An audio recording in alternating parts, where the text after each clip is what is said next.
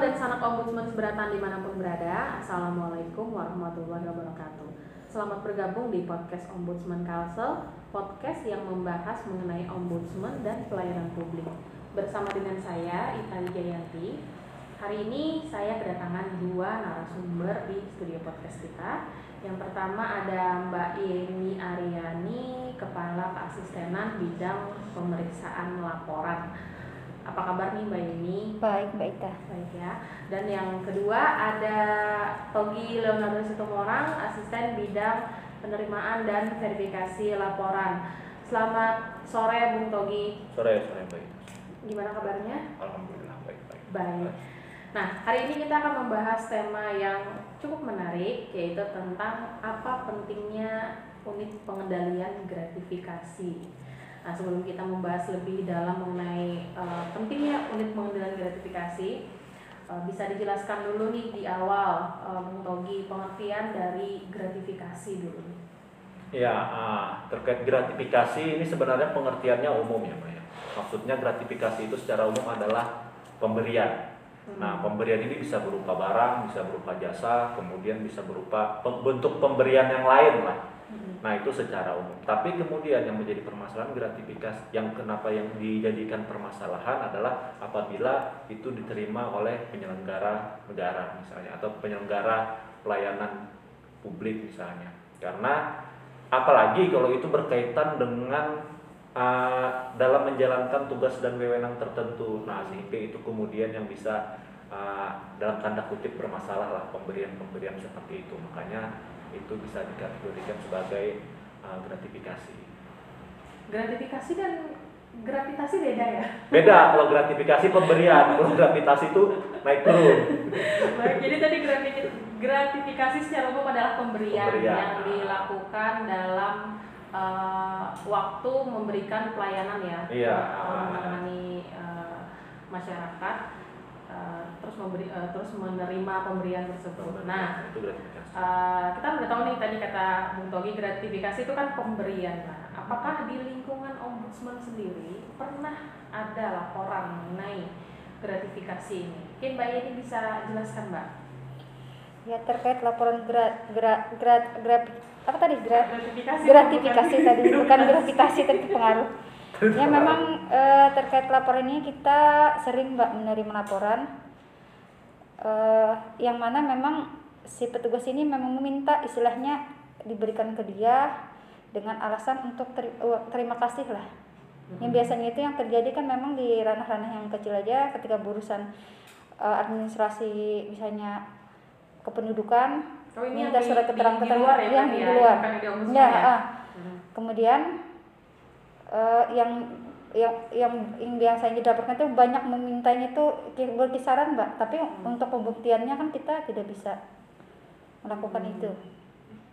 Oke kalau misalkan di lingkungan ombudsman sendiri apakah pernah uh, mengalami gratifikasi oleh pelapor yang datang atau orang yang datang konsultasi mbak ada beberapa sih mbak. Memang kejadian itu kita mengalami biasanya ucapannya ini ucapan terima kasih atas laporan kita tindak memang sudah clear selesai hmm. kemudian dari terlapor sendiri biasanya juga ada di daerah-daerah yang kita datangi dia memang menyambangi kita memberikan seperti bungkusan amplop atau oleh-oleh alasan itu buat oleh-oleh di jalan lah untuk hmm. tapi dengan tegas kita memang tidak boleh dan kita tolak berarti ditolak ya kalau Bung sendiri pernah mengalami pemberian berupa gratifikasi seperti ini? Ya, sebenarnya gratifikasi itu memang insan ombudsman sendiri beberapa kali pernah mengalami kejadian seperti itu. Apalagi misalnya itu berkaitan dengan uh, laporan-laporan yang kita tangani. Saya pribadi pernah uh, dikasih uang setelah uh, menangani laporan. menangani laporan. Laporan orang itu kebetulan selesai. Kemudian saat kunjungan ke beberapa instansi pun kita sempat diberikan oleh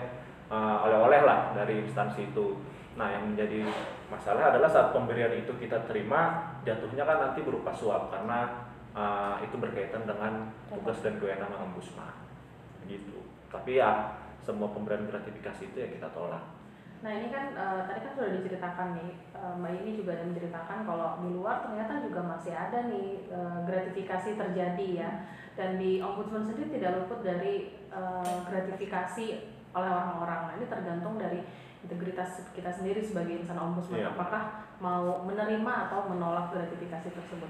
Nah, yang jadi pertanyaan saya adalah apabila memang terjadi gratifikasi di dalam lingkungan ombudsman sendiri, nah itu eh, siapa pelaksana yang melaksanakan eh, grat- apa pengambilan gratifikasi mungkin bisa dijelaskan Mbak Yuni. Iya, memang di, di kita kan ada kepala perwakilan yang membawahi seluruh di sini tanggung jawab beliau. Jadi hal apa pun kita terkait menerima ataupun dijanjikan apa pun kan di setiap kali rapat atau secara langsung bisa kita sampaikan. Karena ini kan memang sudah bertentang sekali. Apalagi ombudsman ini kan lembaga negara yang memang integritasnya harus kita jaga dengan baik.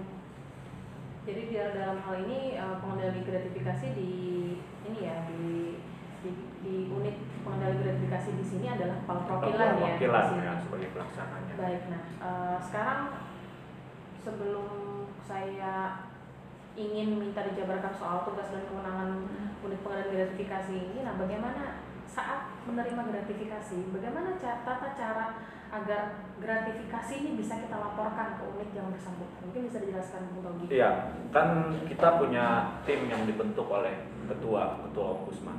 Itu beracuan kepada peraturan ombudsman nomor 21 tahun 2016. Di pusat ada membentuk eh, pengendalian pelaksana pengendalian eh, gratifikasi di internal pun eh, kepala perwakilan membentuk unit eh, pengendalian gratifikasi itu. Nah, apabila kemudian di internal kita ombudsman sendiri kemudian ada masyarakat yang melihat Hmm. ada tindak grat- gratifikasi yang dilakukan oleh orang kepada ombudsman, maka kita bisa melaporkannya kepada unit pengendali grat- gratifikasi itu melalui unit yang dibentuk. Nah, kepala perwakilan pasti membentuk tim. Nah, tim inilah yang kemudian eh, menjadi jembatan laporan itu untuk disampaikan. Sampaikan melalui dengan datang langsung ke kantor dengan mencari tim yang bersangkutan atau melalui kontak yang eh, ada kontak di ombudsman Kalsel itu sendiri. Nah, setelah kemudian itu dilaporkan ke ombudsman, yang jelas jangka waktunya adalah tujuh hari setelah setelah menerima melihat gerak, tindakan gra- gratifikasi itu terjadi karena menurut ketentuannya kan seperti itu. Nah, setelah itu kemudian ditindaklanjuti oleh tim pengendali gratifikasi itu sendiri. Baik, nah ini tadi kata Bung Togi yang eh, apabila ada masyarakat yang melihat eh, adanya tindakan gratifikasi yang dilakukan oleh orang kepada ombudsman. Kalau yang menerima gratifikasi memungkinkan untuk melakukan pelaporan ini. Ya, yang menerima gratifikasi itu sebenarnya itu tergantung dari kesadaran dia sendiri. Dalam artian, kalau dia menyadari ada ketentuan seperti itu, maka dia pun wajib melaporkan itu sebenarnya. Melaporkannya ke mana? Ke pe- pelaksana pengendali gratifikasi yang dilakukan yang dibentuk oleh pusat. Dengan dia melaporkan ke eh, tim itu, sehingga tim itulah yang kemudian akan menyampaikan itu ke instansi yang berwenang dalam artian KPK. Nanti KPK itu yang akan memutuskan apakah memang itu haknya dia atau tidak. Kalau hak bukan hak dia, maka itu akan diserahkan kepada KPK. Baik, nah ini menarik sekali membahas mengenai apakah pemberian ini merupakan gratifikasi atau tidak Hmm, berarti ya hmm. hak dia atau Iya. tidak itu kan berarti kan bicara soal ini gratifikasi atau tidak. Iya. Nah, eh, ini menurut Mbak Yeni nih, apa yang membedakan pemberian itu gratifikasi atau bukan? Memang enggak kalau berhubungan langsung dengan pekerjaan itu otomatis gratifikasi. Hmm. Tapi memang dijelaskan juga bahwa ada hal yang memang di adat itu bukan merupakan gra, gra- gra- apa tadi gra- Gratifikasi. gratifikasi tadi. Bahwa misalnya ketika di Kalimantan Selatan ini kan kita ada acara undangan selamatan itu menjadi hal yang wajar ketika ada amplopan. Mm-mm. Ketika itu terjadi di ranah selamatan orang itu memang kenal dia memberikan itu kan bi- bisa termasuk bukan termasuk gratifikasi Bukan ya? nah, tapi itu memang merupakan adat kebiasaan. Ada hal-hal pokoknya yang bersangkutan dengan pekerjaan itu adalah gratifikasi. Tapi kalau hal yang lain Mhm. memang bisa dikecualikan, bisa bukan. Kalau misalkan tadi kayak ada undangan, Undangan. ya, seperti itu. Ada lagi nggak nih Togi eh, yang bisa membedakan antara itu eh, haknya dia Mhm. atau bukan gratifikasi dan gratifikasi? Ya, sebenarnya kan semua itu ada item-itemnya lah di dalam undang-undang tindak pidana korupsi itu gratifikasi yang yang seperti apa yang kemudian haknya si si si pejabat yang bersangkutan atau bukan haknya. Seperti yang disampaikan Mbak Yeni tadi, seperti ada uh, baptisan, kitanan dan segala macam bentuk resepsi pernikahan itu kalau misalnya kita memberikan uh, uang atau barang itu bukan gratifikasi. Cuma kan ditentukan nominalnya. Kalau tidak salah ada batas ada batasan ya? nominalnya kurang lebih satu juta rupiah kemudian misalnya pejabat atau pimpinan tinggi itu mendapat promosi jabatan nah kita tidak masalah untuk memberikan itu kepada yang bersangkutan dan lagi-lagi itu dibatasi nominalnya Hmm, oke jadi eh, kalau misalkan eh, apa tidak hanya yang tadi berupa souvenir seperti itu Iya, ya, heeh. tapi kalau misalkan ternyata ada pejabat atau pegawai yang Hmm. promosi jabatan ataupun mungkin mutasi juga ya, Mutasi. itu juga bukan masuk dalam Gratifikasi. gratifikasi asal nominalnya eh, sesuai dengan yang telah ditentukan. yang sudah ditentukan ya. Baik, ini saya lanjutkan lagi tadi soal tata cara lapor ke- ke ombudsman lagi melaporkan ke unit gratifikasi ini yang melaporkan bisa yang uh, masyarakat yang melihat ataupun Ya. yang langsung menerima gratifikasi tadi di sini Hmm. seperti Bung bilang. Nah, uh, apa saja nih kira-kira yang harus harus dipenuhi saat uh, melaporkan adanya gratifikasi ini apa aja nih kira-kira syarat-syarat yang harus dilengkapi? Yang pertama benda wujudnya itu harus tertampak nyata dulu mbak apa sih yang kita laporkan misalnya masuk ke uang ke Ya, rekening ya barang ya. itu tadi Buktinya Kemu- berarti buktinya ya? itu tadi Hmm. kemudian hal-hal yang berkaitan janji atau apa pun yang dianukan kan ada bukti real fisiknya yang bisa kita laporkan lah jadi kalau yang memang yang biasa yang jadi masalah tuh bila dikirimkan lewat pos itu kan harus kita kirimkan kembali kalau ada orang langsung kita bisa secara langsung mengembalikan tapi kalau yang memang itu harus kita laporkan dulu ke perwakilan biar nanti eh, dikembalikan lagi bisa ditentukan juga ya Ditentukan apakah lagi. gratifikasi atau bukan tadi.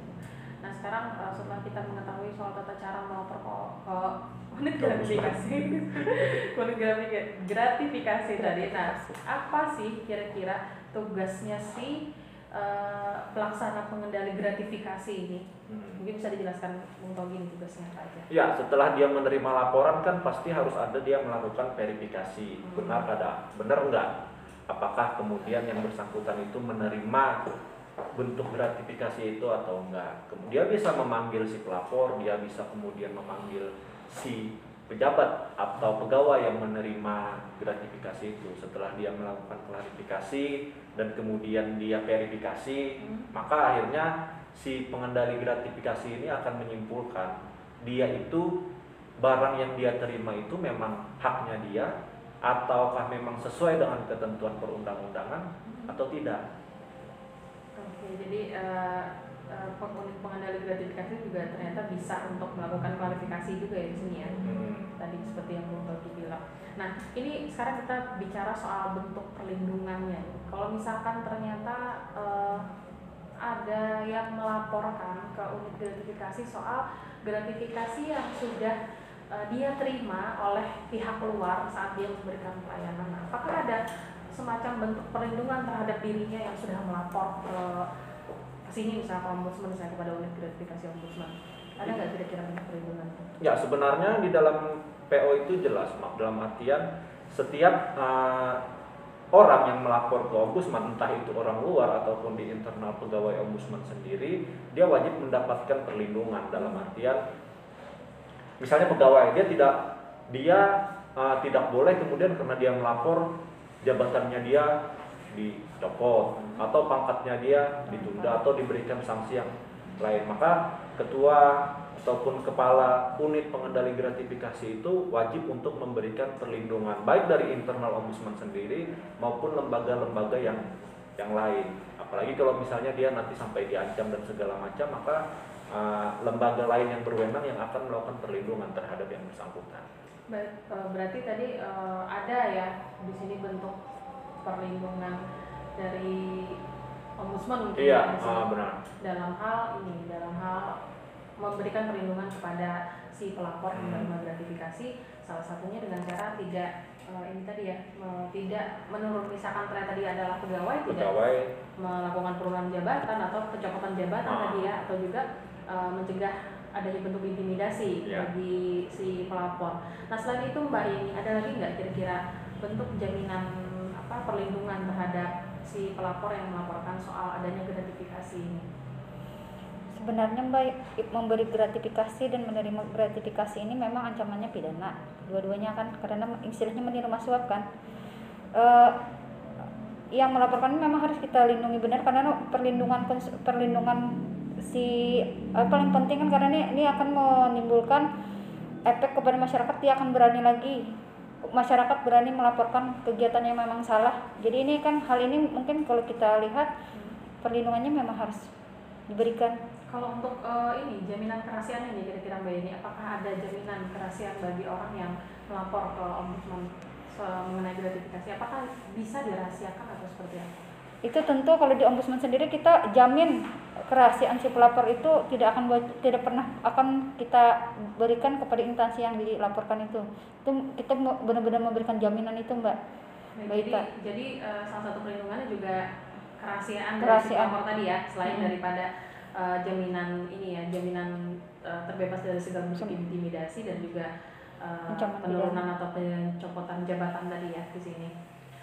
Mungkin terakhir sebelum eh, kita akhiri sesi podcast kita hari ini mungkin ada masukan atau saran-saran mengenai pembentukan gra- gratifikasi ini terlebih kepada eh, organisasi atau instansi lain di luar sana yang mana eh, ada beberapa kan yang kita ketahui masih mau menerima gratifikasi. Mungkin dari Kunto gini ada nggak saran-saran?